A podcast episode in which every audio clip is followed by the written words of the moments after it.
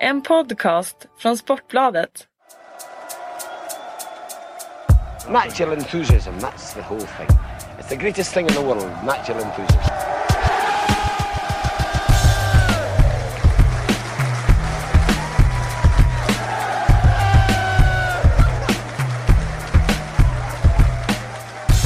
Hallå, hallå och välkomna till Premier League-podden. Fredrik Jönsson med mig två fina herrar, Patrik Sjögren och Kalle Karlsson. Välkomna! Tack, tack, tack. Tackar, tackar. Hur mås det?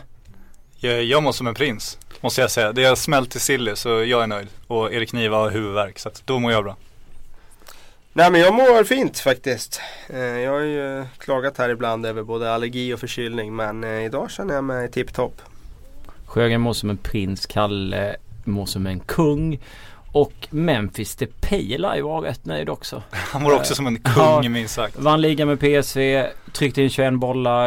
eh, Är klar för eh, Manchester United om nu inte läkarundersökningen går, ja om det nu skulle finnas något ligg i garderoben. Men det var, allting verkar ju vara klart där. När vi pratar så tränar han ju med PSV just nu så det vore lite ironiskt om han bröt ett ben nu på sista Ja. träningen. Att han inte kliver av fattar jag inte riktigt. Men, men eh, ja, nej det kommer bli klart när som helst. Så är det. De har ju bekräftat båda klubbarna. Det är bara som du säger läkarundersökning kvar. 280 miljoner kronor. Ja, kan nog bli upp mot 300 om det vill sig väl, om det går bra för honom. Äh, men det känns som en rimlig prislapp. Skyttekung i Holland, 21 år. Eh, spelat in sig i landslaget, man själv vet vad han får. Så att, eh, det var som vår kollega Erik Karlsson skrev att de är ju, betalar ju normalt så lite bara för linniga ytterbackar nu för tiden. Så att det, det är väl kanon att de får lite offensiv kvalitet för li, lite mindre pengar också. Nej, men det känns så logiskt. Ja, alltså det var väl Franchal som tog ut Tog fram honom i eh, holländska A-landslaget Ja. 2013. Han har gjort en 10-15 landskamper. Eh, så fick ju rätt mycket förtroende i eh, VM. VM, ja. Vilket man inte riktigt trodde. Gjorde väl pigga matcher där. Gjorde en del mål och, var bra. Och sen i holländska ligan har han gjort en kanonsäsong. Så att, det känns som att han borde lyckas med det. Och han betalar ju typ Ungefär samma som han betalade när han lånade Falcao va? Ja men typ så. Men vi pratade om det innan också att det finns ju också varnande exempel från Holland. Alltså det är ingen garanti. Han är. Han har inte, eftersom han är så ung, inte presterat över tid. Jag tycker Suarez, som ju är det senaste riktigt lysande exemplet med Mm. gick från Holland. Han var ju överlägsen i holländska ligan i flera år liksom. Han var ju Mm. så toketablerad. Sen hade vi, vi pratade om Affelay innan, så gick till Barcelona Ja. som var liksom, det var ungefär samma status på honom. Han gick från, liksom var lagkapten, hade Mm. imponerat, eh, gick direkt till Barcelonas free transfer, en av världens mest jagade spelare då och liksom, han är väl fortfarande, tillhör fortfarande Barcelona om jag inte är helt fel ute men han spelar ju inte för Barcelona. Han är ute och svänger. Så det är ju en karriär som gått åt helvete. Afonso Alves ett annat skönt Ja, exempel. Han var ju dunderskyttekung där. Gick inte jättebra i Premier League om man eh, ska ta till århundradets underdrift. Så att, Afelaj, eh, just det. Olympiakos. ja, har de köpt loss honom nu? Ja de, de lånar honom. Jag tror att jag, jag såg ju Malmö FF Olympiakos. Ja. Jag måste ju sett han då. Ja, då du han nog in. Han gjorde ett stort intryck märker jag. Så Ja verkligen. Eh, Grym. säger en del, kanske sammanfattar honom som spelare. Ja, men han måste nu. gjort typ runt 30 mål i PC eller? Innan han gick också kanske. Ja för när han var med mittfältare så tror jag inte han var inte skyttekungen på det sättet. jävla Men han var ju lagkapten. Ja Och liksom riktigt så etablerad så att han var ju, det var ju samma status på honom. Afonso eh, Alves var det som gjorde över 30. Kalle, Depay, United. Vad tror du? Är det han de behöver då? Jag, vet, jag måste säga att jag har ganska dålig koll på Depay för jag har sett han för lite den här säsongen. Det jag grundade på det är ju VM förra året. Och då kändes han ju väldigt, väldigt spännande.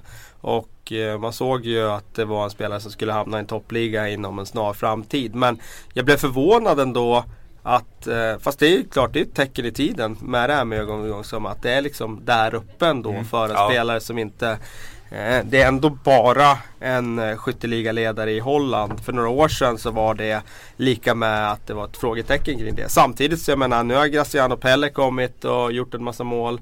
Eh, från att ha gjort mål i Holland. Och, eh, det finns fler exempel på att eh, eh det går att gå från en mindre liga. Det är klart att man eh, som klubb eh, Eh, ledare och sådär påverkas av tidigare exempel. Det, för tio år sedan hade vi Afonso Alves och Matesha Cashman och då kanske det var liksom då vågade man inte chansa på spelare från den typen av mellanligor. Men nu är det ju en huggsexa om alla heta talanger. Och det kanske är rimligt med de pengarna. Jag tycker det, jag tycker det är mycket men eh, Det är väl upp av intresset också. Så är det ju. Som Men, liksom, men om Di Maria hade svårt att ta plats i United startelva på slutet och nu får de in liksom en ytter slash anfallare offensiv. Lite så här, jag skulle inte jämföra som spelare men det är ändå liksom samma positionstyp eller vad man ska säga.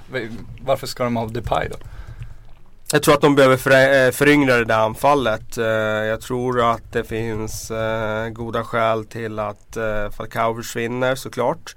Eh, det skulle kunna vara så att Robin van Persie försvinner också i sommar. Kommer det bara ett bud på honom som är rimligt så tror jag att de tar det med tanke på hans skadehistorik, hans ålder och hans form. Pekar ganska kraftigt neråt eh, de två senaste åren får man säga. Eh, så att eh, de kommer behöva fräscha upp det där och föryngra rätt rejält där framme och då känns väl en Depay en eh, rimlig backup-spelare nästa säsong. Eh, kanske inte blir en startelva-spelare så första året men växa in i det, eh, göra lite inhopp och spela några matcher från start och sådär. Och så kanske han är redo att, att vara startspelare om två år. Eller om ett år nu då. Mm. Ja, drygt ett år. Har vi rätt fina, han har slagit in en annan frispark. Tar väl några straffar. Jag tror i och för sig att han har missat någon också men det kanske kan bli lite fasta situationer. För, fin fot, fin, det är väl en tandtatuering eller en tung tatuering han har. Som successful på holländska. Skrivit någonstans i munnen i alla fall. Okej. Okay. Mm. Så han har ju pekat ut vägen i alla fall. Mm. Men gött att eh, Silly är igång. Tycker jag. Kalle kanske? Ja, ja men det är alltså, det är, det, alltså Silly det betyder ju sommar och sol så att eh, Eller ja, inte, januari, inte januarifönstret i och för sig. Nej men jag tycker eh, det är ju eh, skönt när man är på semester och sen får man eh, lite sådär eh, newsy som ramlar in, tickar in dag efter dag. Det är klart att eh, det också har sin charm, silly season nu för tiden. Men eh, jag föredrar ju matcherna framför silly season, det måste jag ändå understryka. Affelay gjorde 13 mål så jag tänkte nog för mycket på Anfors och Albers när jag sa det. Eh, fjärde värvningen för United från PSV. Vilka är de tidigare tre? Eh, eh, eh, eh Rod van Nistelrooy såklart. Eh, Japp Stam. Och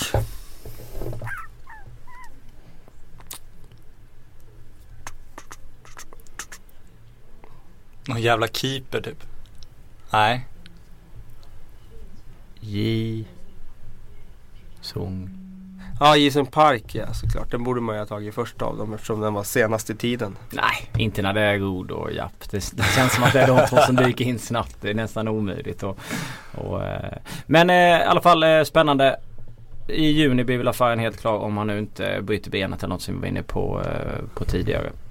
Vi ska damma av den förra omgången i Premier League. Eh, det finns ju ett visst intresse där nere. Vi gratulerar Chelsea som har vunnit ligan. Det pratade vi om för hur länge sedan som helst. Toppen av Premier League är inte i närheten lika intressant som bottenskiktet är. Burnley och Queen Park Rangers har vi väl typ sagt eh, hej då till nästan. Burnley har en liten liten chans om de nu skulle ösa på mot Hall och, eh, och vinna några matcher på slut. Samt som Hall har, har det ganska svårt eh, spelprogram. De har väl typ City och Tottenham kvar. Efter. Ja. ja. Så det är inte så lätt. Men i helgen vann ju uh, Sunderland. Leicester. Stämmer. Tactics Teams Aston Villa vann. eh, QPA fick stryk där. Gerard var väl som det efter att ha bränt en straff. Och mitt Newcastle åkte på åttonde raka torsken var det väl. Ja, och det gör ja. vad, alltså, vad har ni för känsla efter helgen som var? Är det Newcastle man tänker på då eller är det Tactics Team eller? Nej men jag tar med mig Leicester som eh, ändå slog tillbaka efter eh, nedlaget förra helgen där och efter all turbulens som har varit kring den klubben och Nigel Pearson och eh, strutsar och allting så var det här en eh, Eh, stor triumf för deras del. Även om eh, Newcastle såklart är i fritt fall så 3-0 i det här läget när de slåss om kontrakt när varje poäng är superviktig och det är några omgångar kvar. Eh, det var ju ett stort steg ska jag säga mot, eh, ja, eller stort steg mot nytt kontrakt kanske inte är men det ger ju deras chanserna avsevärt större nu. Eh, och jag tycker det är kul med Leicester också med Mark Albrighton som eh, har fått en renässans nu. Han eh, kom ju fram i Aston Villa för är det fem år sedan, fem, sex år sedan. Var väldigt lovande, gjorde en bra debutsäsong men sen har han ju faktiskt eh, stagnerat där. Och eh, döms ut av många, även mig eh, faktiskt. eh, eh, ja, men när han liksom satt på bänken där i Aston Villa så kände man ju att han skulle hamna i Championship eh, till slut. Men han är faktiskt, efter flytten till Leicester så började han ju vid sidan av laget i, här under hösten när de spelade med Schlupp och eh, Mares på varsin kant. Men sen eh, Nigel Pearson bytte till 3-4-3 systemet så har han faktiskt fått en plats som wingback. Och eh, det är ju lite intressant med tanke på att Ashley Young har ju också gått den vägen från att vara en offensiv ytter till att eh, ändå klara av att anpassa sig till en roll som wingback. Att Mark Albrighton skulle klara det så här bra, det, det såg jag inte riktigt komma. Men han har ju gjort typ fyra assist de senaste matcherna. Kan Ashley Young kan alla, det är ett gammalt ordspråk. Jag kanske är lite bitter men det finns två andra grejer som jag tyckte var intressanta i just den matchen. Rivière Noll mål framåt orsakar en straff. Det är ju alltid Det fantastiskt. tycker du är värt att nämna. Det Ja, ja, men det är så att jag, jag, jag är så Vadå? trött på den människan. Alltså, alltså, eh, och sen, eh, du snackar om strutsar där. Nigel Pearson går ut liksom och snackar strutsar och blir förbannad när eh, han tycker att någon journalist har kritiserat hans spelare. John Carver efter en förlust går ut och säger att en spelare medvetet har tagit ett rött kort. Snacka om att bygga rätt stämning. Liksom knyta näven vi mot dem. Är Tänkte han på Janmat då eller på Williamson? Williamson, Williamson. Att det det- sjukaste är att Williamson sen går ut själv också utanför klubben och släpper ett uttalande ju. Mm. Om att där han liksom så här förtydligar att han inte gjort det medvetet. Och han ber om ursäkt till klubben och till fansen men inte, Inte- till managern. Det är så jävla tydligt. Det är så dålig stämning. Men han sa ju det Carver också, alltså, de, de kanske har slutat lyssna på mig. Han har ju sagt det rakt ut. Ja. Det är ju rent myteri där liksom. Ja. Det är fullständigt kaos. Han kanske, tyck, han kanske menar det också för att de lyssnar inte med det är därför det går dåligt. Ja, han vill skydda sig själv. Ja, Men han det sista sig. människan ska göra är att skydda sig själv för då får han ju hela truppen mot Ja. sig. Han måste ju ta på sig ansvaret för att liksom säga att de jobbar tillsammans för förändrare. Så fort han börjar rikta liksom, ja, men, l- hänger ut sina spelare som syndabockar. börjar Han kan på tycka laget. det men han behöver inte säga Exakt, han det. får ju absolut inte säga det. sista du ska säga. Han är ju tokkörd nu. Det finns inte en chans för honom att få tillbaka den truppens förtroende. Nej. Nu, Och de har ju hört av sig till Steve McLaren, McLaren och nej. frågat om han ville ta de sista matcherna. Han sa nej. Och eh, det här eh, har ju såklart eh, läckt ut. Mm. och det har ju såklart nått den gode Carver. Och det är klart att han känner sig ännu mer pressad nu. Mm. Spelarna tror jag känner att de behövde en Ja, förändring. Och så säger Steve McLaren som ligger en division under nej. Det är klart att det blir, effekten blir ju dubbelt negativ. Så att eh, alltså.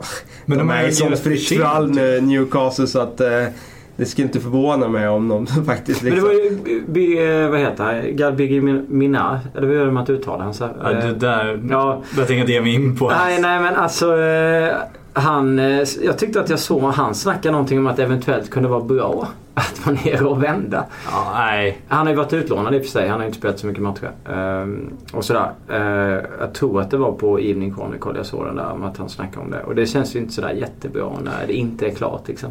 Nej, men jag tycker, de har ju agerat för sent tycker jag. För, alltså, många såg Carver kändes ju aldrig som liksom, mannen som skulle, skulle förändra Newcastle inför framtiden. Och när de liksom anlitade honom så var de ändå i en situation där liksom, kontraktet såg säkrat ut. Liksom. Det fanns ju alla möjligheter Mm. att börja blicka framåt och redan då börja bygga om och börja liksom, implementera något nytt. Och istället så ska de sitta på honom då och så går det bara åt helvete och mer och mer och mer. Och nu är det Men- så finns ju ingen manager som inte är desperat själv som tar det här jobbet. Men var det inte lite så de tänkte då egentligen? Bara det att det blev fel. Jag menar, de ville inte förhasta beslutsprocessen. Det är svårt att hitta Nej. en tränare mitt i säsong. Det, den de ville ha var säkert inte ledig bara sådär, pang. De tänkte att kontraktet är ändå säkrat. Vi är Carver den här våren. Han får liksom låt skeppet bara flyta. Mm. Eh, och sen jobbar vi under tiden med att hitta den tränaren vi verkligen vill ha. Problemet var bara där att eh, alltså, Skeppet flöt inte. skeppet flöt inte Ja, utan det tog in vatten och sen eh, ja, nu är det på väg ner till botten. Ja, Liksom. men nu är det ju för sent att agera också. Ja. Det finns ju ingen normal manager som tar det där jobbet nu. Det, du kan ju bara förlora nu. Du kan ju bara åka ur Ah, Alan det. Shearer skulle kunna ta det. Ja. Han skulle vilja vara tränare liksom. Galbigerimanar heter han ju. Ja, han måste jag faktiskt, på tal om honom, måste jag faktiskt eh, erkänna här att inför förra säsongen så bad eh, redaktören för eh, Ligabibeln Bibeln om en lista.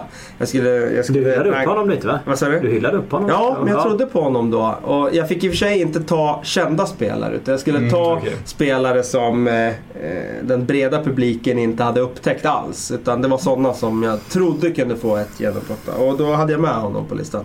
Det har inte riktigt utvecklat sig på det sättet. Så att, eh, där får Han man läm- verkligen krypa till korset. Han lämnade väl ett annat sjunkande skepp Coventry. De har gått ganska dåligt för eh, Newcastle. Och sen, ja, det var Evening Chronicle. Han sa att det här kanske kan hjälpa dem att komma på rätt köl i framtiden Ja. genom att ramla ur. Hur kan Men- man säga det? Nej, det, det är klart han inte kan säga det. Men samtidigt så...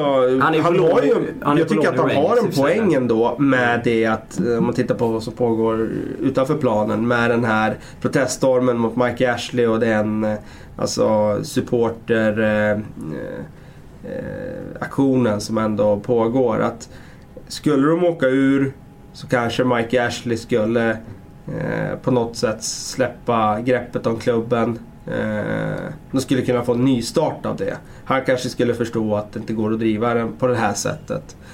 Och då kanske det finns något positivt i det. Alltså jag tror samtidigt att han är så girig. Ja, har ju han vill fått inte sälja klubben när de liksom. åker ur. Nej, han har ju övervärderat alltså. sin klubb hela tiden. Om Ja. han åker ur så kommer han ju inte få de pengarna han vill ha. Då är, han har ju visat det många gånger att han är så jävla envis. Han kommer ju sitta tills han får de där pengarna. Och det får han ju inte i Champions Nej, League. så att det, alltså åker de ut så kommer han vara kvar där ännu längre. Ja, jag tror att. Arbi Mana säger det här nu är väl att han ska få slippa att spela Glasgow Rangers som han gör för tillfället.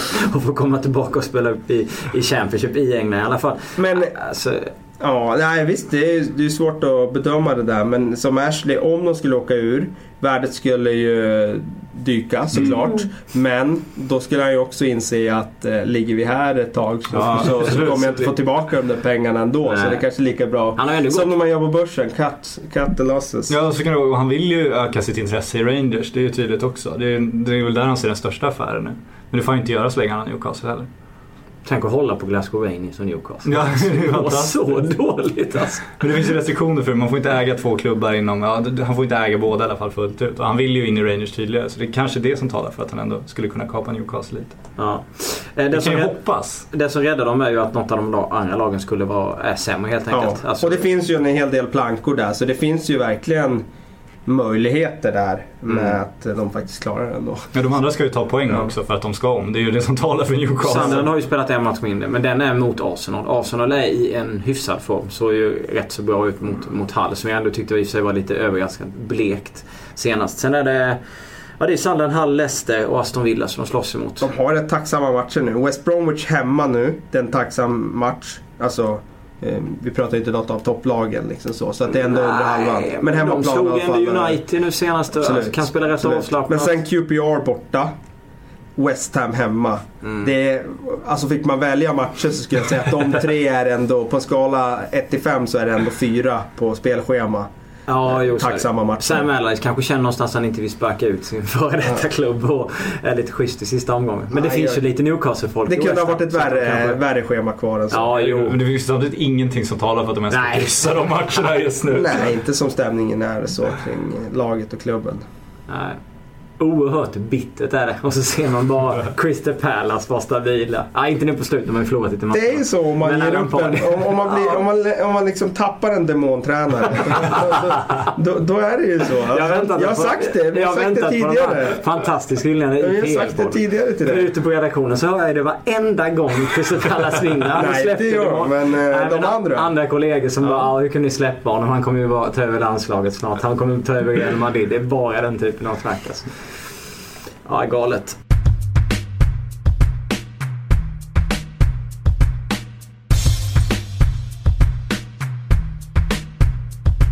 Eh, Newcastle, eller vad säger Newcastle, Sjögren. Sjögren hade en önskan om att få prata om Chelsea så jag tänkte att jag skulle Ja, men jag vill eh, känna på Kalle på Chelsea. Jaha. Det känns som, eh, om man kollar Europa liksom, det känns som Chelsea fortfarande är en bit efter. Samtidigt deras trupp känns rent åldersmässigt rätt som han liksom har, har fått sin trupp nu som han kommer ligga på ett par år. Han har Hazard som ändå kan bli världens bästa spelare inom några år. Mm. Eh, alltså, men ändå känns det inte som de är eh, riktigt slagkraftiga om man jämför med Real, Barca, Bayern München. Va, vad ska han göra nu liksom? Alltså, jag tror så här att eh, José Mourinho kommer aldrig kunna bygga ett lag som går ut i Europa och är överlägsna på det sättet som Bayern och Barcelona och där. För att han har inte den filosofin att de ska inte vara överlägsna. Däremot kan han vinna, eller bygga ett lag som kan vinna ett enskilt år i Europa. För de eh, bygger en försvarsmur och ena året så, så är det ingen som bryter igenom den där försvarsmuren och då går de hela vägen. Men eh, jag skulle säga komma upp på Barcelona, Bayern, alltså den nivån.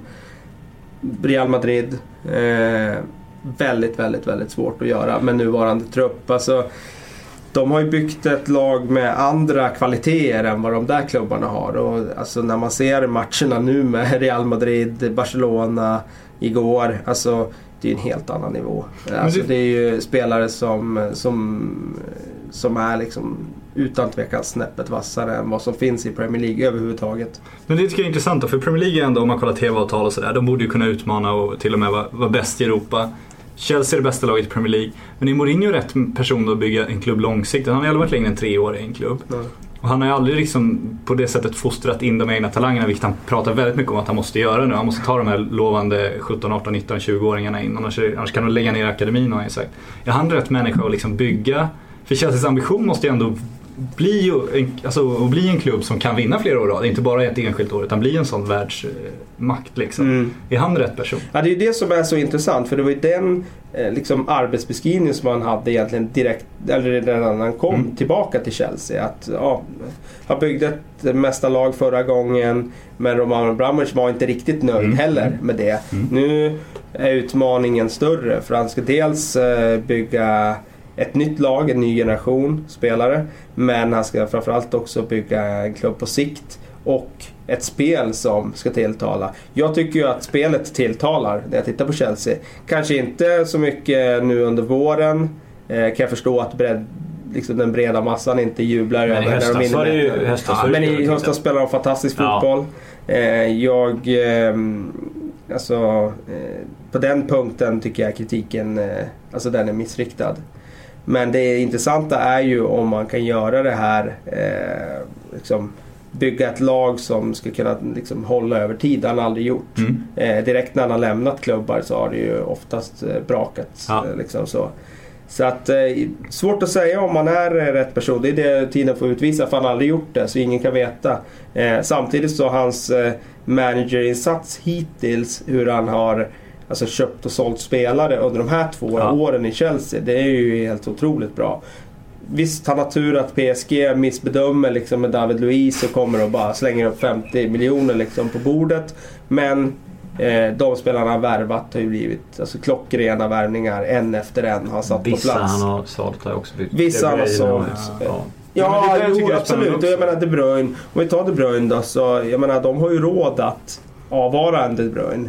Ja. Eh, så jag menar, de vinner ligan nu eh, ändå. Mm. Så det är klart att eh, om något år så, så kanske det är så att De Bruyne visar sig vara ännu bättre än vad han är idag. Och då, det är klart att då finns det möjlighet att köpa tillbaka honom som de gjorde med Matic. ja, Men det är där frågetecknet finns tycker jag. För att, alltså, eh, han gör jättebra värvningar. Det är klart han gör det. Fabregas, Diego Costa är jätte, jättebra såklart. Mm. Men, och bra ålder också. Men det är ändå färdiga världsspelare som han lyfter in i sitt lag. De här har värvat som man liksom vill se ska ta nästa steg. Salah, Kyrle, De Bruyne, nu Quadrado. Där har han ju misslyckats kapitalt. Kurzuma är ju på gång in. Men Liksom... Ja, Kurzuma ser väldigt, väldigt fin ut tycker ja, jag. det håller jag med. Men då i övrigt har det liksom... Men det är ju rätt svårt att göra också. Tittar man på Real Madrid eh, och Barcelona som har den där sjuka offensiven. Det är klart att Messi har gjort Batta i ett par år mm. och, och sådär. Och, eh, men tittar man på de andra två klubbarna när det gäller just offensiven så har de ju varvat ihop det där liksom. Jag ser det. Jo, ja, men Chelsea kan ju inte göra det på samma sätt. Så de måste, om de ska bli den här Nej, men det känns som att han kommer spela, om han ska bli det så kommer det, det kommer inte bli den där fridiga, skruva upp och komma till en helt sjuk offensivnivå som båda de två lagen kan göra. Utan nej. han kommer ju använda sig av sin fotboll som är den lite mer Absolut, men han måste ju ändå lyckas göra den så att den håller över tid. För han ja. kan ju inte bli det här laget som du säger att han vinner en titel, sen förstörs laget. Ska han vara kvar och bygga nytt under flera år? Den, den liksom, det tålamodet kommer inte Abramovic. Han vill ju, han vill ju ha ett Real, ett, liksom ett Barcelona, mm. ett Bayern München. Det är ju Mourinhos liksom arbetsbeskrivning någonstans. Då måste han ju få in de här halvstjärnorna också som inte för du kan inte göra den här råkapen på Fabregas varje år. Liksom. Det kommer inte finnas en typ av spelare. Sen är det ju en annan grej som jag funderade på igår när jag satt och kollade Bayern eh, Barcelona. Det är ju det att alltså, det är de här två spelarna som gör mm. väldigt stor skillnad. Alltså Messi såklart som eh, är unik. Och sen Ronaldo som också är unik på sitt sätt. Ta bort de spelarna, jag menar de börjar bli lite till åren nu. Mm. Jag menar, mm. eh, gå tre år framåt i tiden. Eh, det kommer inte dyka upp någon ny Messi bara sådär. När han är borta då kommer det där avståndet liksom upp till den absoluta toppen vara mindre. Mm. Ja. Eh, och Alltså Barcelona hade ju några tunga år eh, före han kom liksom. Och det är mycket, Verkligen. Ja, och jag menar Verkligen. bort med honom eller bort med Ronaldo och få de andra att prestera som är kvar där. Alltså det är ju... De kommer fortfarande vara otroligt Ja, bra absolut, de här klubbarna. För de har ju väldigt, nivån, liksom, väldigt som är- hög dragningskraft Ja. fortfarande. Och de kommer få de bästa spelarna. Men jag tror inte heller att de kommer nå den här extrema nivån. För det är fortfarande de här spelarna som gör den skillnaden. Som Messi igår. Det är, så tycker Bayern gör det rätt bra i Ja. långa stunder. Men ändå blir det 3-0 och han gör två mål, han gör en assist. Han hade kunnat ha haft ett par assist till. Eh, om de hade gjort mål på chanserna. Så, ehm, jag tror att eh, det går nog för Chelsea eh, om man fortsätter Mourinho att bygga det här och gör det så pass bra på världsmarknaden som man har gjort hittills. Så går det nog att nå den toppen i Europa om 3-4 år. Men jag tror inte innan, innan dess tror jag inte det går. För inte liksom, de kan vinna Champions League nästa år, absolut. Men jag tror inte att de kan komma upp på den nivån att de är liksom tangerar Barcelona, Real Madrid och Bayern München så, där de har varit nu. Nej men där är jag fundersam kring Hazard också. För han känns ju som nästa, som den riktigt tydliga, som är den som ändå kan ärva fotbollstronen någonstans. Det är ju inte jättemånga sådana offensiva... Hazard. Ja exakt Ja. Hazard. Ja. Men det känns inte som man får ut så många poäng av honom som man skulle behöva för att han liksom ska bli den helt avgörande spelaren som Messi och Ronaldo kan vara i många matcher. Nej, och det, det, det, hittills har han ju inte gjort det. Samtidigt så genomgick ju Ronaldo också den processen när han var i Manchester United. Han gjorde inte tillräckligt med... Han var inte tillräckligt konkret och effektiv då. Och sen eh, eh, blev han det med tiden. Hazard, i och för sig 24 år nu, eh, skulle väl behöva göra det nu till nästa säsong. Det är ju hans utmaning någonstans. Alltså nu är han dominant i match efter match men skulle behöva göra mer mål och assist. Och, det kanske också är kopplat till att han spelar i Chelsea. Eh, som kanske inte blåser på på det sättet offensivt som, som eh, vissa andra klubbar gör. Jag vet inte men eh, jag håller med dig. Det är, alltså, de skulle kanske behöva eh, att Hazard blev den spelaren plus att någon till kanske också som, som kan vara med uppe på den nivån. Eh, nu har de Oscar som är väldigt lo- löplojal och sådär men inte riktigt på den nivån. William, underbar spelare, otrolig tvåvägsspelare. Men inte heller riktigt på den nivån.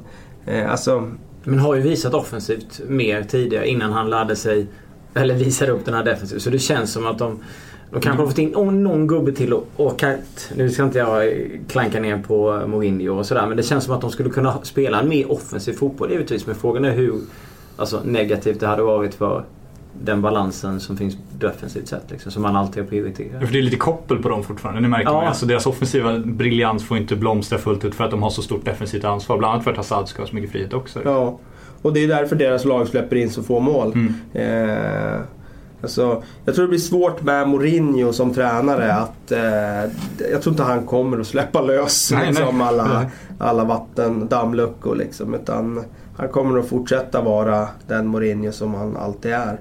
Eh, så att... Eh, jag tror inte att han... Jag tror inte han kommer klara av att bygga ett lag som liksom erövrar Europa inom två, tre år. Men tror du att- Men det kommer ta längre tid. Men tror du att det hade sett... Det hade varit lika framgångsrikt om han hade vridit på och låtit offensiven ta Nej, det för det är inte hans filosofi och han tror Nej. inte själv på det. Och då Men tycker han... du att laget är balanserat på ett sånt sätt? Liksom? Eller att det finns det i det laget? Om man tittar på det nu. Nej. Eh, alltså det är ju balanserat på ett sätt som att de ska vara ganska liksom, defensiva utifrån Mm. eh, den lågt sittande backlinjen till exempel. Passar inte alls med att kliva högt med Terry och Cahill. Eh, då blir de avslöjade. Man kan börja redan där liksom. Mm. Eh, så att eh, nej, jag, jag, liksom, han maximerar det material han har. Ett annat lag som behöver ändra lite är ju Manchester City. Ja, härlighet. Det är så glädjande nyheter. På kortare sikt. Chelsea kan ju klara sig Exakt. ett tag men City är verkligen... Det var väl Europa så var det sjunde, eller, sjunde äldsta lag tror jag av de 30 högsta ligorna. Ja. Det är ju rätt Det imponerande. blir mycket silly-snack här nu men det är inte så konstigt med att med Men det är ju spännande eftersom ja, men säsongen är ändå på väg att avslutas. Vi är klara Så vi med toppstriden. prata om det. Vi måste ju veta nästa år City och då sa ju Seluk idag, eh, Yahya Tourés agent, tillika min kära Facebook-vän, vilket jag är lite stolt över. Att eh, det är 90%. Han svarar ja alltså. Alltså, det skickar jag det gjorde han förfrågan. efter ett halvår. Bekräftar han för dig också att... Nej, vi har inte, vi har inte gått in på den. Vi Nej. har lite mer privat diskussion. Nej men eh, att eh, det är 90% sannolikhet, nu vet vi inte om vi ska tro på honom, men i alla fall att Yahya Touré lämnar. Du var inne redan förra sommaren på att han borde gå. Kommer jag ihåg att det skulle vara en bra affär för City att sälja då. Men liksom vad ska City göra nu? För de har liksom Europas sjunde äldsta lag. De måste ju uppenbarligen göra en rejäl jävla generations... Ja. ändring. Vart ska man börja liksom med FFP? Man kan, börja med, man kan börja med Jaja. Mm. Eh, och han kommer att få en saftig peng för. För någon kommer vara villig, vara villig att betala väldigt mycket för honom. För Förmodligen lite mer än vad han är värd. Eh, för att han är trots allt född 83.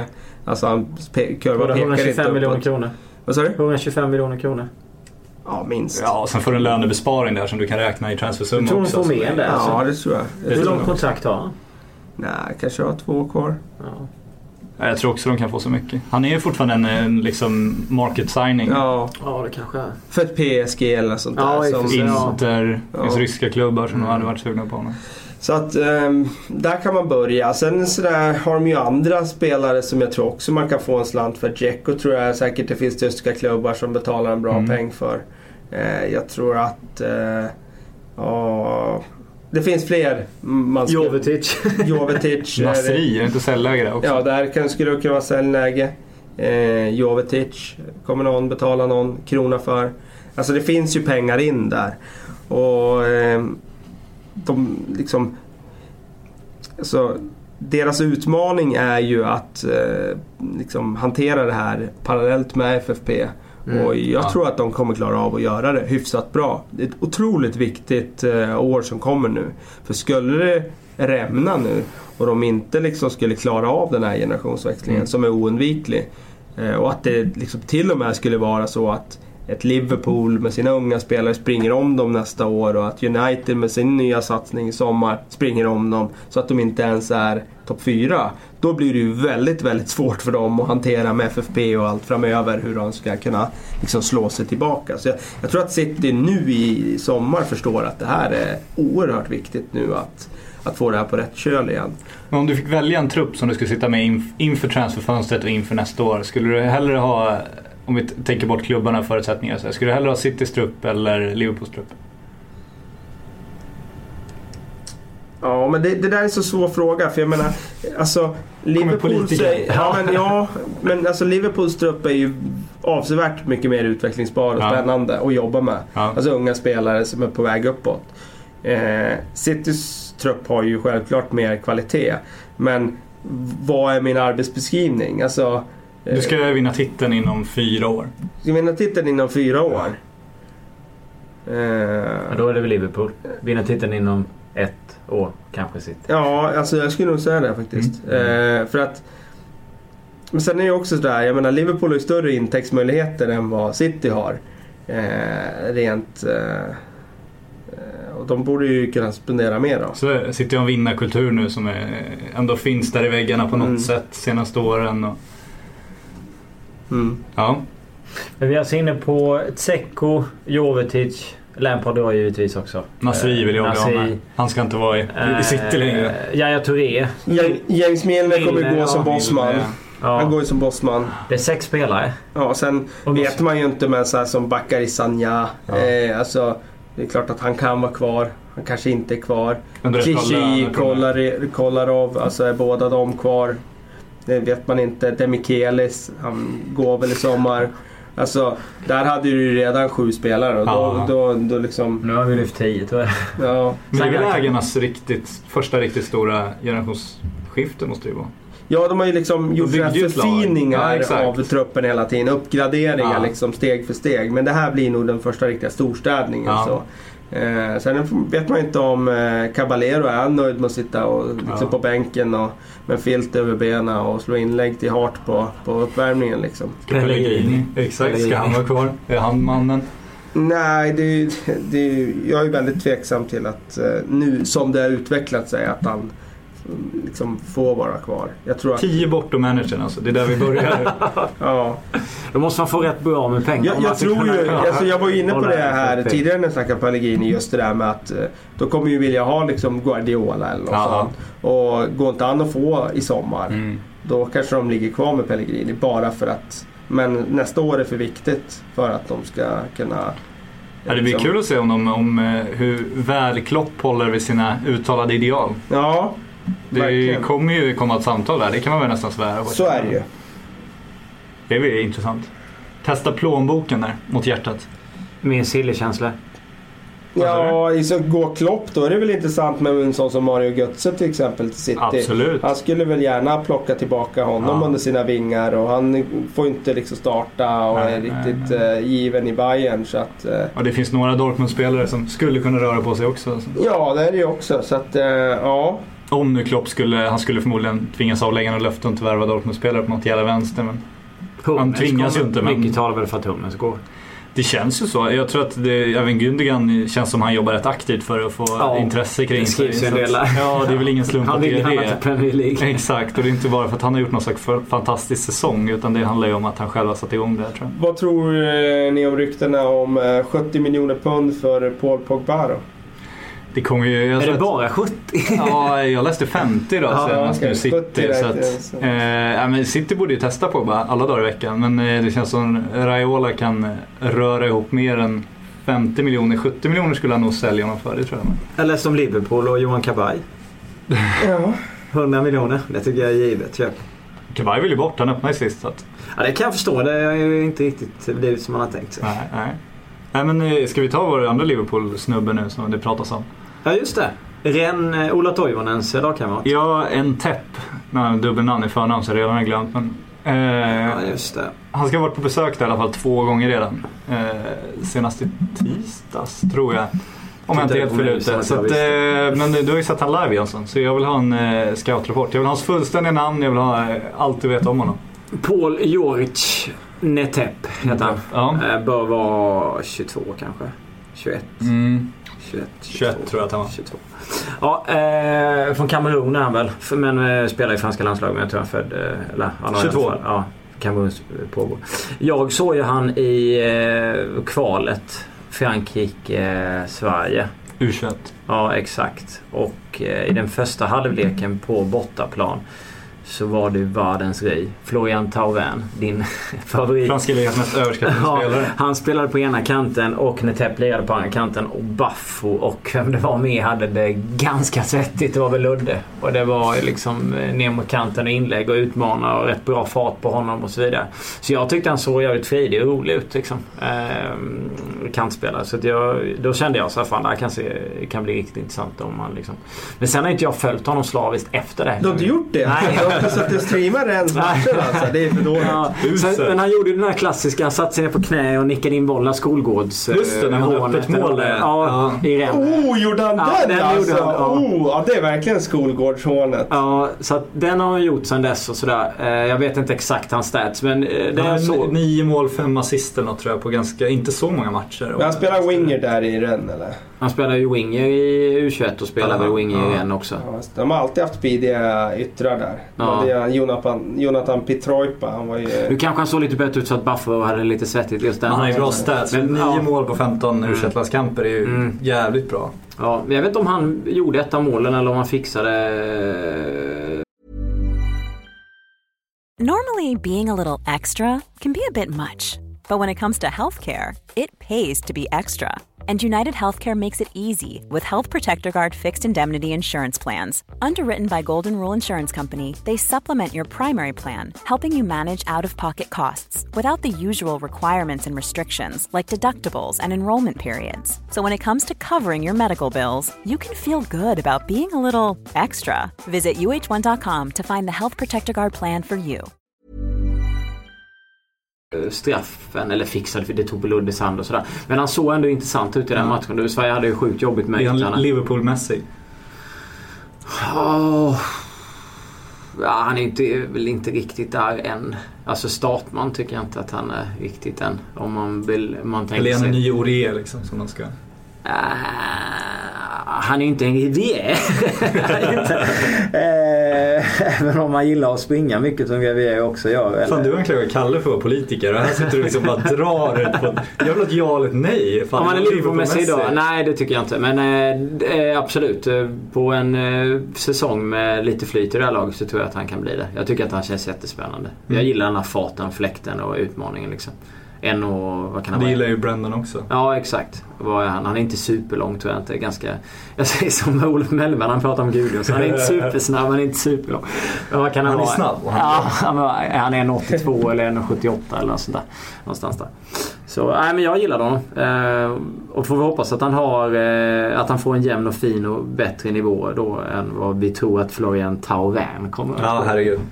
Eh, en kille som också har ryktats vara på väg mot till Liverpool. Och Ja, Newcastle som Newcastle, gånger. Tottenham och... Ja, alla möjliga. Han ska måla sig bort därifrån. Mm, han känns inte riktigt helt okej. Eh, ja men eh, Liverpool ska väl eh, lösa lite spelare i sin trupp och förlänga med några där. Kanske först innan de tittar jättemycket vidare kan jag tänka. Ska väl behålla Sterling, det är väl det Ja. allt handlar om. Precis, de har lite att göra där.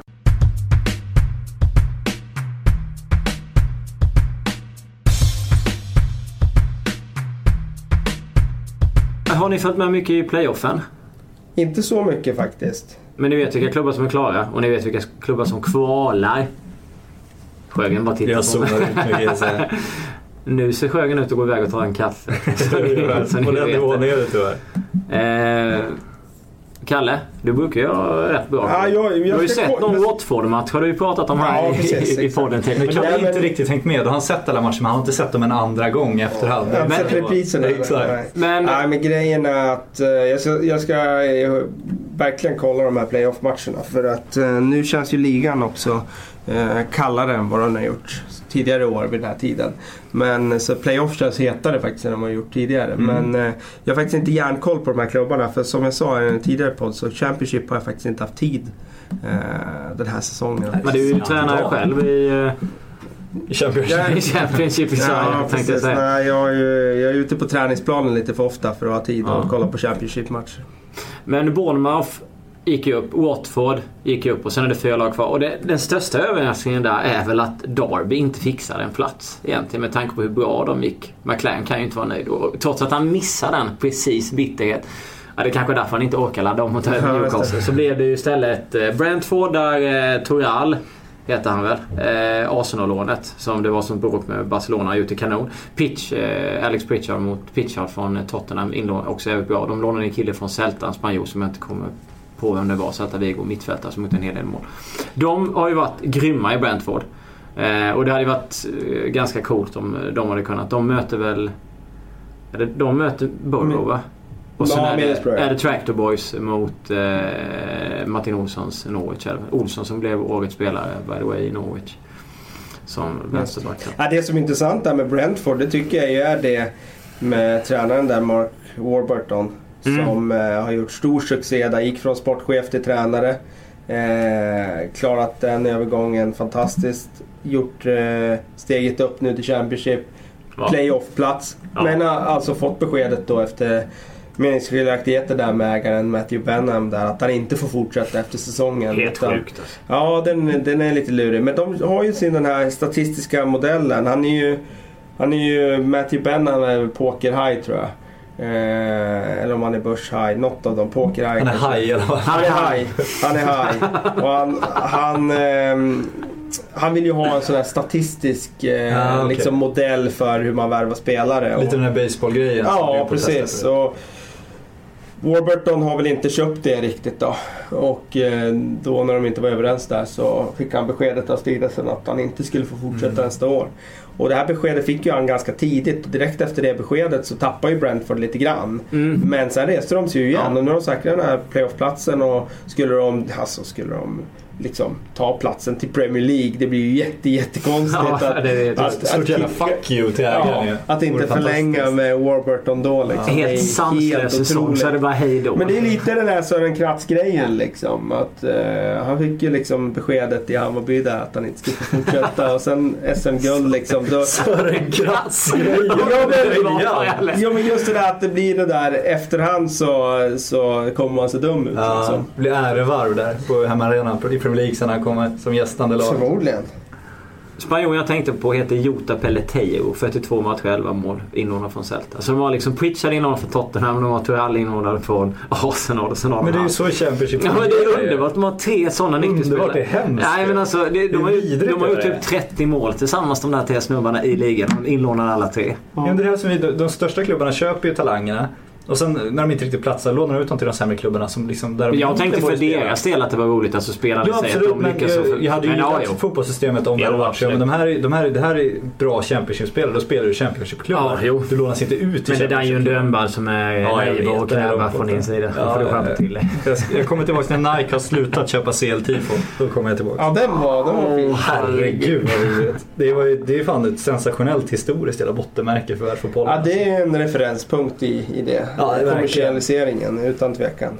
Ja, det, är, det är faktiskt äckligt. Alltså riktigt äckligt är det. Nej, man mår ju dåligt. Alltså det förlorar hela sin in- innebörd. Alltså tifon är ju liksom så här fansens kärleksuttryck till spelarna. De har lagt timmar, de har lagt liksom sina egna pengar. Och så visar verkligen för spelarna, så här viktigt är det här för oss. Så här viktiga är ni för oss liksom.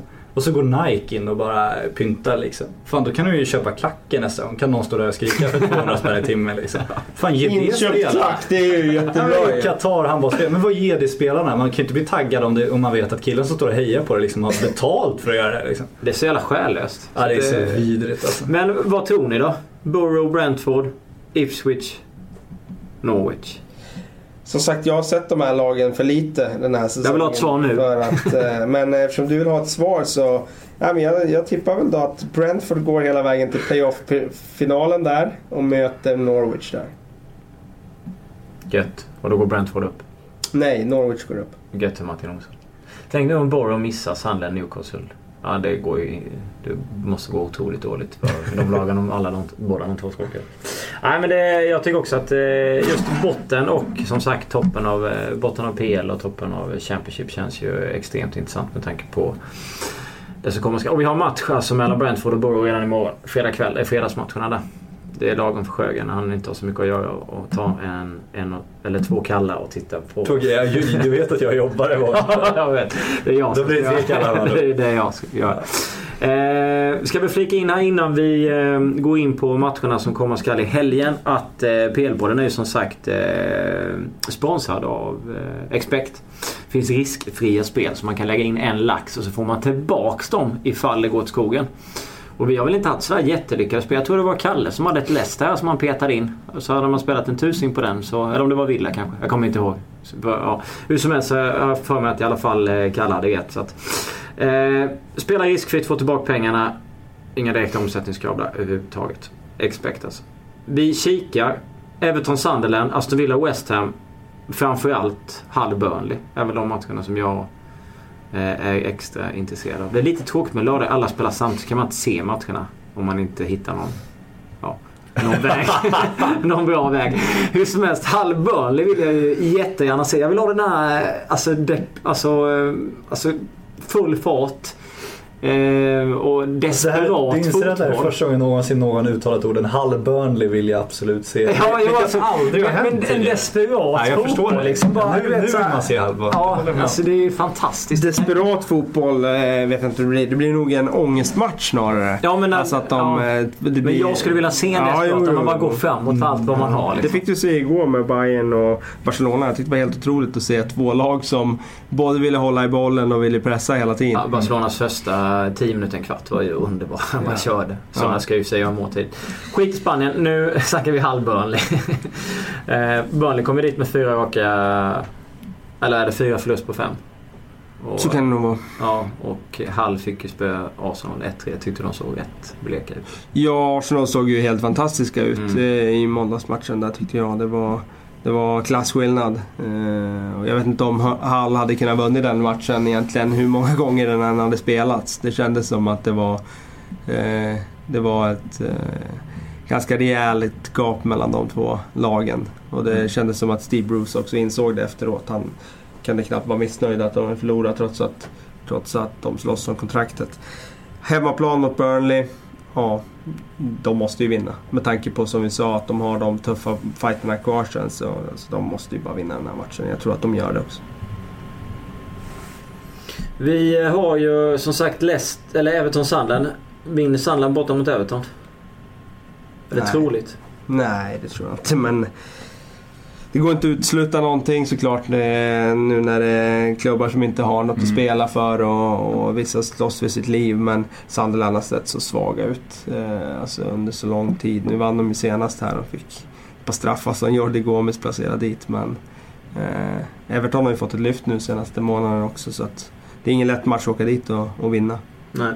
Vi har Chelsea-Liverpool i helgen. Eh, givetvis kan det bli en underhållande fotbollsmatch även om det skiljer 22 poäng mellan lagen och eh, Liverpool inte har en chans att vinna titeln. Så vi eh, får säkert skit för det men vi lägger den åt sidan eh, i den här podden och sen så... Eh, Får alltid skit när du lägger Liverpool ja, åt sidan. vet då blir det, och så pratar jag bara om Newcastle så blir det typ.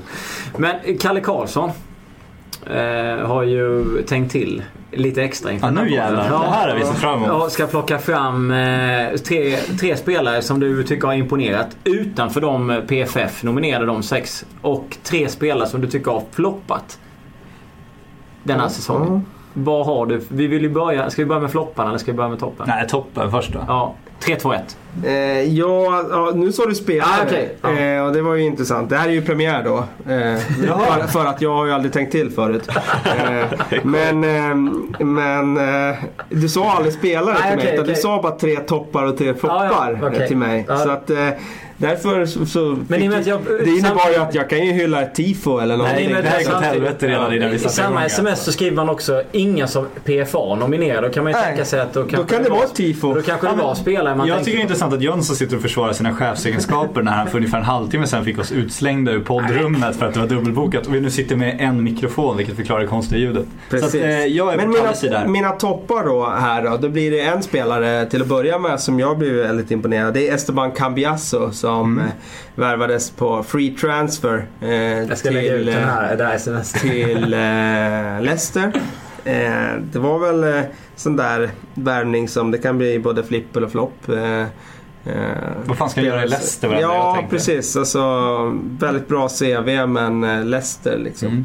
Eh, är han där av rätt anledning eller är det liksom en sista eh, pensionspeng? Han. Men eh, han har ju varit väldigt, väldigt, väldigt bra. Eh, han var även redan i höstas tyckte jag, vissa matcher. Eh, men nu under våren här har han ju varit avgörande för deras uppryckning här. Och, eh, de bör nog signa honom väldigt fort här nu på ett nytt eh, år för att annars kommer det vara andra klubbar som rycker honom. Jag älskar de spelarna som liksom gjort allt på något sätt. De är klara och så kan de ändå istället för att åka och ta lite pengar, okej han får bra betalt självklart. Men han, han tar ändå en klubb som liksom, där det inte finns några garantier för hur det ska gå överhuvudtaget. Jag tror inte att, det, för att, att det var så många klubbar som, som var intresserade av honom. Ja, för men att det, han hade ju det liksom, CVt går ändå att åka, åka Absolut, han kan åka till Qatar, liksom. liksom Absolut, och göra, det är det jag menar, ha ett jävligt drägligt liv i sidan av Absolut. fotbollen. Men, men han åker till liksom en jävla skitstad i England, förlåt alla Foxes. Ja, Foxes. Och liksom eh, verkligen går in med helhjärtat för det här. Det tycker jag är fan Ja. imponerande. Att han orkar göra en ny satsning. Jag tycker det är stort. Ja, men sen har jag ju då två andra toppar här då och eh, en av dem är ju José Mourinho. Och han är inte Han är nominerad spelare. eh, till eh, PFA Player of the Year men eh, det är ju ändå imponerande att Mm. eh, han gång på gång lyckas med det som andra kanske avfärdar som enkelt. Men det är inte så enkelt utan det är egentligen bara han som gör det. Gång på gång på gång. Eh, väldigt intressant tycker jag också hur han eh, alltså har eh, anpassat sitt lag under olika delar av den här säsongen för att, eh, för att vinna den här titeln. För det är egentligen det som är hans eh, enda drivkraft. Inte vad, vad de spelar för typ av fotboll, inte hur många anhängare hans fotboll får, inte hur många anhängare han själv får. Utan det är egentligen bara vinna som det handlar om. Och det allt ifrån att eh, spela Fabregas i defensiva rollen till att spela han i en mer offensiv roll i matcher där det passar. Allt från att eh, spela Kurt Zouma mot Manchester United för att ta bort Fellaini som just då var en sån spelare som ingen annan klubb riktigt kunde hantera när han kom och eh, i liksom en ny liksom, skräddarsydd roll som eh, liksom deep lying target player.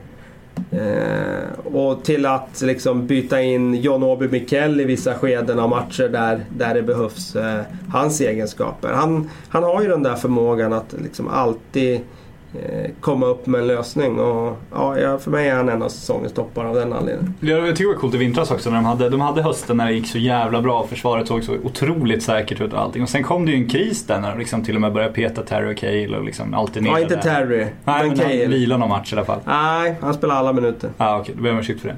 Men Cale. Cale. Ja, men de började liksom, och det började Ja, liksom det var efter Tottenham-förlusten där. eh, Ja. Då darrade ju Cale och hans form sviktade ju rejält. Ja, det började liksom höjas röster och man kände att det här, det här håller på att gå åt helvete. Och då, liksom, då vrider han om, som vi sa tidigare, de spelar så roligt i höstas, de spelar lite tråkigare i våras. Men då har han liksom vridit till det där och liksom gör precis det som krävs för att ta poängen som krävs. Det är ju fan, det är få managers som klarar av det och gå Mm. ifrån sin, sin grundtanke någonstans och ändå ändra sig så snabbt. Det Sen vinner han ju ligan i alla klubbar han är. Och det, det är inte så himla lätt att göra det, för då skulle andra också göra det. Men eh, det, han gör det. Och den sista toppen där, och det blir ytterligare en tränare faktiskt. Det är Gary Monk som eh, eh, hade en otroligt tuff eh, uppgift när han klev in i Swansea. Dels hade han ju varit spelare eh, under första halvan av säsongen. Mikael Laudrup fick gå och eh, klubben eh, låg på 12 plats då men det var inte så många poäng ner till nedflyttningsstrecket. Man insåg att eh, våren kommer handla om att rädda kontraktet. Det var hans uppdrag. Men han gick alltså från att vara spelare direkt till att bli eh, interimstränare. Eh, klarade av det steget så pass eh, friktionsfritt. Då hade han ändå bråkat med Chico Flores på parkeringsplatsen den där gången han fick tillkalla polis. Precis innan, bara några veckor innan han blev utsedd till tränare. Eh, och sen var det ju faktiskt väldigt många som tvivlade på att Gary Monk var rätt långsiktig lösning när han fick det här jobbet permanent då i maj när han hade säkrat kontraktet. Men så som Swansea har hanterat den här säsongen med de spelarförlusterna de ändå drabbades av inför säsongen.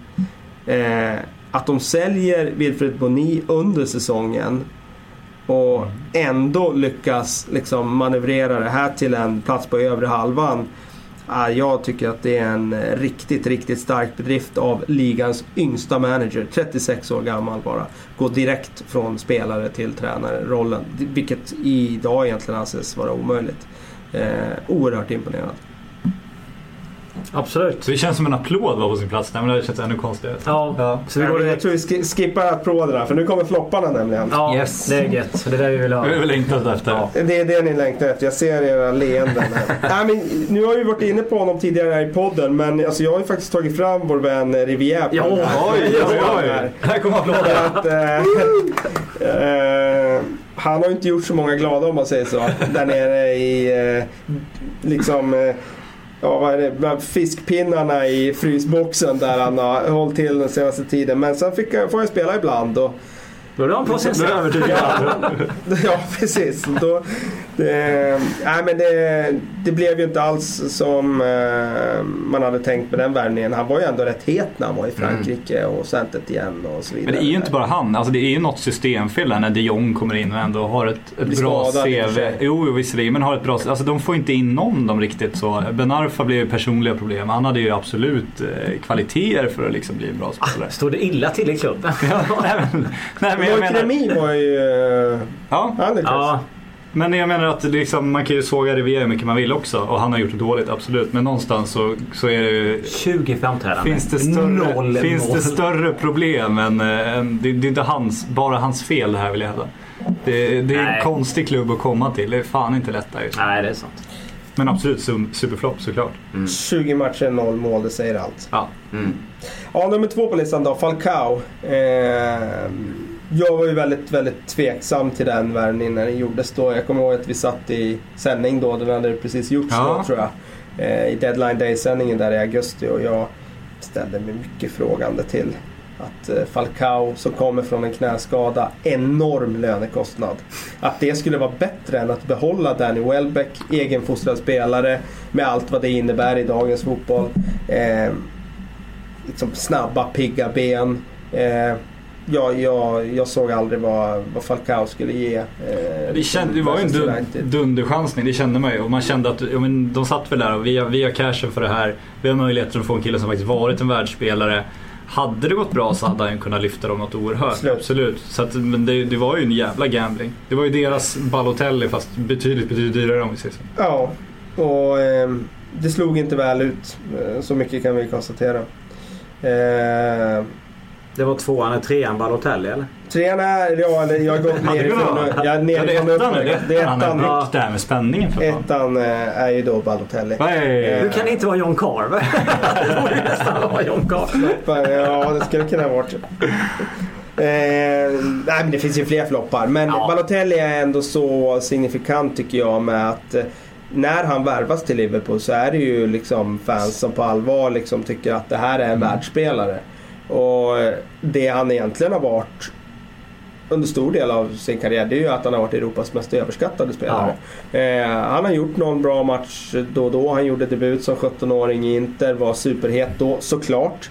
Men eh, Fantastiska mästerskap där i Italien. Ja, alltså, eller, då ska man ju också poängtera. Det var ju alltså, en fantastisk match Ja. mot Tyskland. Ja. Där han gör två mål och liksom på den allra högsta nivån såklart. Och, eh, det är klart att han har väldigt bra kvaliteter. Men sen handlar det om att plocka fram de kvaliteterna vecka efter vecka. Och det har han ju aldrig någonsin gjort. I någon del av sin karriär. Någon- Inte i någon klubb. Och, alltså, det är en sak att man inte presterar på plan men du får ju någonting Mm, mer med Balotelli. Du får ett paket med honom. Och just den här liksom energin, negativa energin som han sprider i ett omklädningsrum, i ett lag och i ett trupp som hade en otroligt god stämning under hela förra säsongen där de liksom bara flöt fram på en framgångsvåg.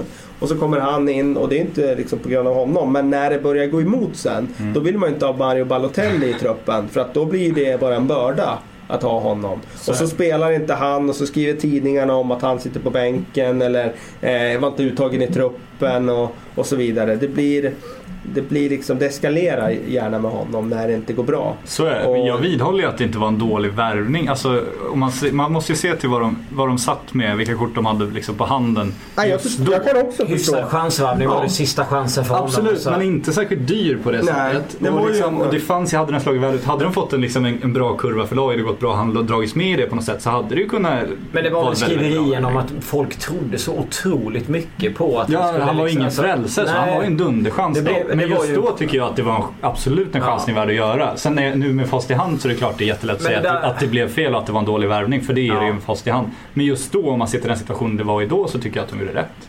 Jag håller helt och hållet med dig. Det fanns inte så många alternativ Nej. då. Eh, det var en eh, låg övergångssumma för den liksom, det renomméet nivån han ändå, har. Men problemet är ju att hans renommé är ju mycket bättre än vad det borde varit. Ja. Och det har alltid varit mycket bättre än vad det borde varit. För att han har inte presterat i någon eh, liga, i någon klubb över tid. Utan han, han har varit ja, slätstruken egentligen i, i, i alla klubbar där han har varit. Och det blir väldigt, väldigt intressant att se nu vad händer i Mario Ja, Balotellis karriär ja. efter det här. För att ehm, han har ju en bra agent som Mm. förhandlar väldigt bra löner. Men alltså jag, jag vill ju se den, jag vill ju se den klubben som, som, som är beredd att satsa på en hög lön till Mario Balotelli. Alltså med allt det de får i bagaget med honom. Jag, ja, det ska bli väldigt, väldigt intressant. Jag, jag tror ju liksom att Alltså Italien finns ingen klubb där som kan betala hög lön till honom. Eh, och jag tror inte ens att liksom Inter och Milan och sådana är De så ju får ju dumma. ingenting för, för Nej, honom. Liksom. alltså är- de skulle vara så dumma så att de, De hade plockar ju kunnat tillbaka. betala med nya ägare och annat. Men jag tror inte heller att de är så dumma Nej, jag de säger. hoppas att de inte är så dumma Ja. för de har gjort sådana misstag förr med Mm. att ta tillbaka liksom, spelare som vars kurva inte pekar uppåt. Ja. Eh, det är ingen...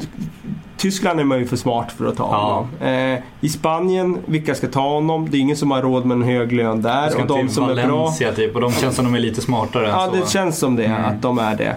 Eh, Ja, och i England, där är han ju egentligen rökt Ja, på, på övre Nej, halvan. nej. Det är ingen som tar honom där. Vart ska han gå? Ja, det är, om, om Zlatan är bästa kompis med honom, vilket jag inte tror, så hade han kunnat snacka innan i PSG, men det tror jag inte heller kommer hända. Däremot finns det ju de här eh, oljeklubbarna borta i Ryssland som vill göra sina CL-satsningar. Det är eventuellt om man skulle Ja. få någon chans vad- där. vad- liksom.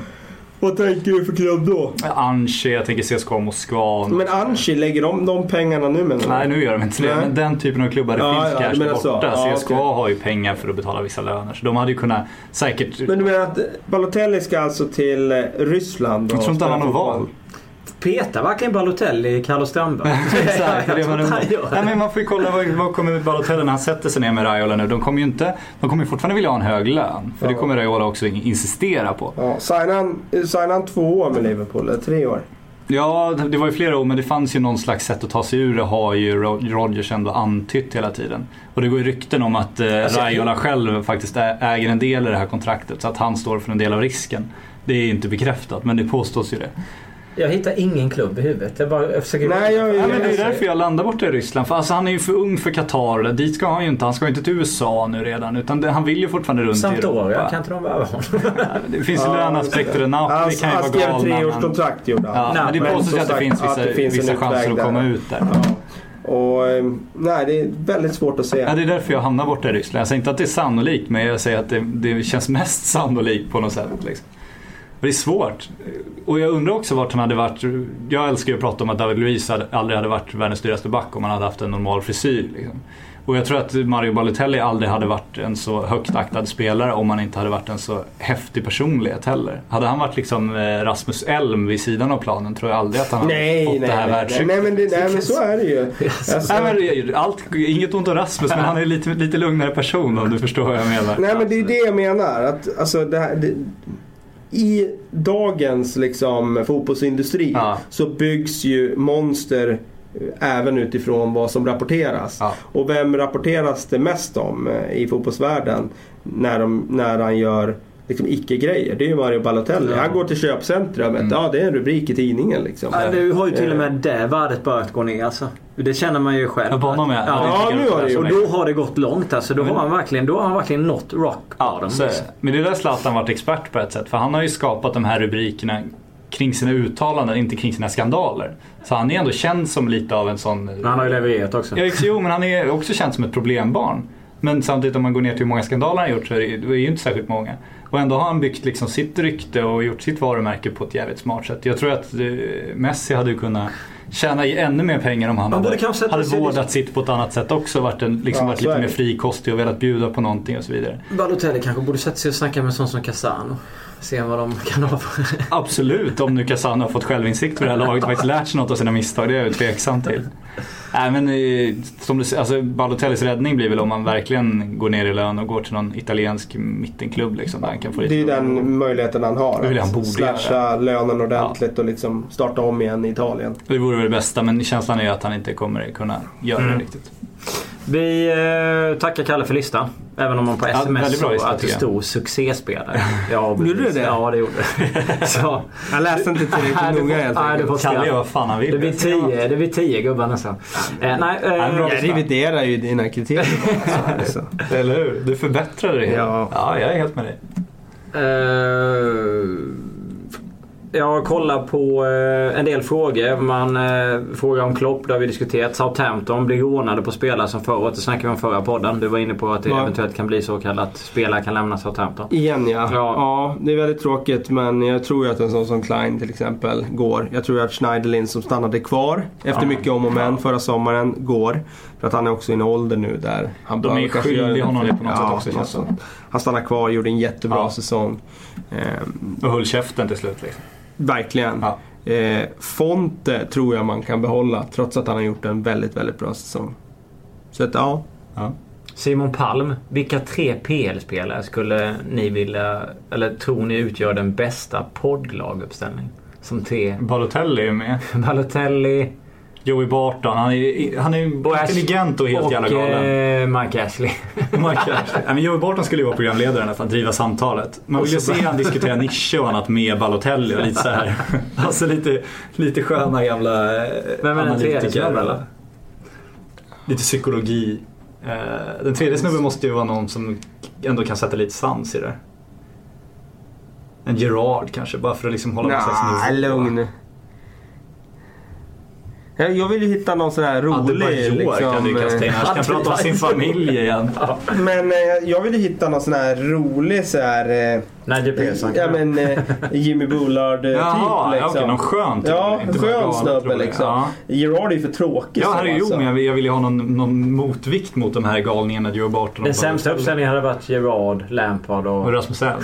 Nej, James Milner. Men Milner är ju Milner ska in ju. Boring James Milner. Fan vad roligt. Guidetti har ju sagt att han är jätterolig. Nej men. Balotelli, Joey Barton, James Miller. Det är briljant ju. Mm. De försöker trigga igång James Miller liksom. Han bara håller igen. Fan fint. När jag går igenom frågorna så är det ganska gött att se. Nu är det något som skakar som gör att det blir massa störningar. Kalle tog sin telefon. Bra. Eh, vi har ju fått massa frågor, eller frågor om Pep, eh, Eden Hazard. Men det här har vi ju redan liksom diskuterat igenom. Så jag känner ju att... Eh, det kommer någon fråga Sjögren till dig om när du ska byta din profilbild. Det tycker jag. Jag älskar min profil. Alltså jag måste få klädspons. Det är det jag väntar på så jag kan byta skjorta. Jag äger bara en. Så det, det är det. Mm. In och rösta på Silvergrejerna i Guldskölden så ska jag skaffa klädspons. Favoritämne För poddprogrammet. Favoritämne för Kalle Karlsson, Martin Bäckström. Vad har hänt med Uniteds form? Är det Carricks frånvaro som påverkat så mycket? Ja, Garrick ja. ja. Jo, men jag är förtjust i honom. Men eh, eh, ja, jag skulle säga att det är Garricks frånvaro som har påverkat väldigt mycket. För att han är ju den som eh, liksom får United att ticka igång. Så att eh, jag tror han ska väl vara tillbaka i helgen va? Det kan jag vara dålig Crystal koll. Palace borta. Det skulle inte förvåna mig om det sammanfaller med att United eh, vänder trenden. Plus att det är ett rätt eh, svag, eh, formsvagt lag de möter också för den delen. Men ja, absolut. Eh, Ola Löfgren. Bästa domaren i PL. Ja, Jag tycker väl att eh, jag tycker Michael Oliver är bra. Men eh, Klattenberg är nog fortfarande den bästa. Ja, men det var Klettenberg som var vår kära konsertbesökare eller? Ja. Ja, då håller jag absolut honom som etta. Özil. Tim Tomasson vill att han ska hyllas lite. Har några väl valda ord att säga om Mesut. ja, men matchen i måndags var ju väldigt bra. Han har ju i takt med att Arsenal har hittat formen så har ju han också varit eh, eh, bättre och bättre och en viktig del i den där offensiven som ser allt mer intressant ut. Så att eh, ja, det är, tycker också att hans kurva pekar uppåt. Kan man beställa hyllningar alltså? Fan det är fint ändå. Det är första gången jag tänkte att Jag det ska var ha fler då. Eh, Dawn, Danny Ings, vad spelar han nästa säsong? Jag tar för lång tid. Otroligt svårt att redan veta alltså. Man måste ju vänta in det där lite. Ja, Det är ju vissa värvningar på gång, det märker man ju nu. Men det, de här eh, de där kommer dröja lite. Ja, jag säger Tottenham. Eh, Martin Engström. Messi i PL. Vilket lag? Vi har ju sagt om att vi ser i Stoke. Sa vi vid något tillfälle. Han och Bojan. Ja men eh, vad har ni velat se? Vad tror ni han hade funkat bäst om man tittar på laget? Alltså rent, rent krasst. Jag tycker inte att det där var så dålig tanke där med Stoke. Men det hade ju varit jättekul att se Messi i, i Burnley. Ja, jo, liksom, jo. Hur bra hade de blivit Ja. med en Leo Messi i laget? Eh, det hade ju varit super, super intressant. Men det är klart att jag menar, han hade ju funkat i alla lag. Eh, för att Men man vill han inte se honom i så- Chelsea någonstans för då skulle han ju säkert få vissa lite defensivt ansvar. Och... Men det är lite som att jag tycker att inte Klopp ska ta över någon av de stora klubbarna de har gått till PL. Jag vill att se han lite längre. Ja det håller jag också med. Men, eh, jag... Men hade till exempel... Eh, Men man vill ju samtidigt se vad Klopp kan göra med liksom lite mer cash och så. Alltså man vill ju se om, om hans lagbygge, vad det skulle leda till med ännu bättre resurser. Liksom. Det är ju samma med Wenger. Någon gång skulle jag vilja se honom gå loss som fan i ett PSG. Liksom. Jo, absolut. Men jag undrar om Messi hade vunnit skytteligan om han bara hade varit briljant på det andra hållet samtidigt och gjort så otroligt mycket, extremt mycket assist att det hade varit löjligt. Liksom. Förmodligen båda två. Vadå, om man hade spelat i Burnley? Ja, nej, Burnley, men... eh, Ja, Burnley kanske. Jag tänkte, ja. Jag, vet, jag tror lätt att han hade vunnit skytteligan men jag tror inte han har gjort lika mycket mål som Spanien.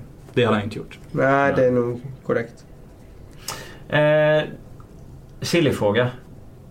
Vilket lag anser ni har bästa situation just nu då? För att göra ett klipp i sommar. Väldigt svår fråga.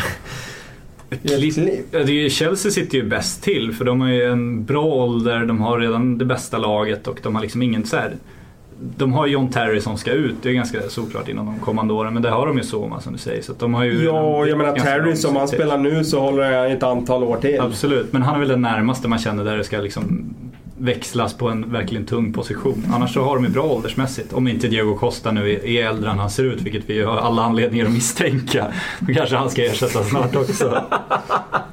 Ja, det Sun Du hade- ifrågasätter hans ålder här, Det. Sun hade gjort, nu har jag inte läst artikeln tyvärr, men de, gjorde, de har ju anlitat experter för att utifrån Diego Costas utseende analysera hur, hur gammal han egentligen är. Det tycker jag är briljant.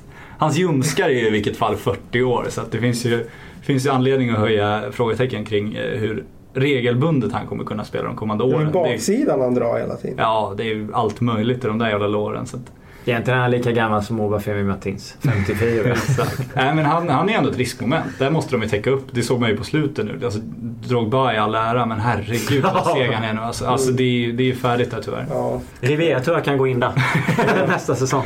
Nej men de behöver, där kan de göra ett klipp. Men Fabregas bakom kan de göra 10. 10-12. Nej men de kan göra klipp. Ta in en forward som ändå kan stå lite Charlie på tillväxt och Charlie Austin Ja. och Bamford. stå och dunka utifrån straffområdeskanten. det hade varit underbart. Som han gör alltså. Ja, eh, Niklas Nerby, vi har en ganska lång podd här så att när han ska få avsluta. Eh, fråga, ja, svår fråga för er bägge kanske att svara på. Årets bästa respektive sämsta värvning. Kalle Sjögren. Ni får Herregud. en sämsta, bästa, sämsta. Bästa Fabregas. Ja, håller med. Tveklöst. Eh, sämsta. Jag tycker Ja, någonstans, Falcao kollar man eh, kostnad, Falcao ändå kommer ju med ur. Men det var ju lån. man, exakt, kollar man med vad Di Maria kostade så tycker jag absolut inte att han har motsvarat den prislappen. Nej. Så han Sett kan man mot absolut kostnaden så, så alltså det var ju en extrem kostnad. Ja. Alltså, Alltså, på bänken liksom. räknar upp lön och övergångskostnad så var han väl Premier Leagues dyraste spelare. Tror jag. Ja men han är väl dyrast ändå. Ja det är han väl ändå. Ja, men mot FFP så är han ju sensationellt dyr alltså. Så att eh, han är jag nästan beredd att se. Ja. Han dansade lite i början. Ja, Han dansade ju väldigt mycket i Han början. dansa Alltså, han, var nästa ju, han var ju alltså absolut världsklass Ja, de han var första matcherna. Alltså, han var ju så jävla Han kom bra. hit och var över, eller han kom dit och var typ liksom övertänd och sen så, ja. Han var så otroligt bra. Ja. Han var liksom överlägset bäst i Mm. United match efter match i början. Och sen att det går från det till att sitta Mm. på bänken. Det är en eh, jävla stelförvandling i hans fall.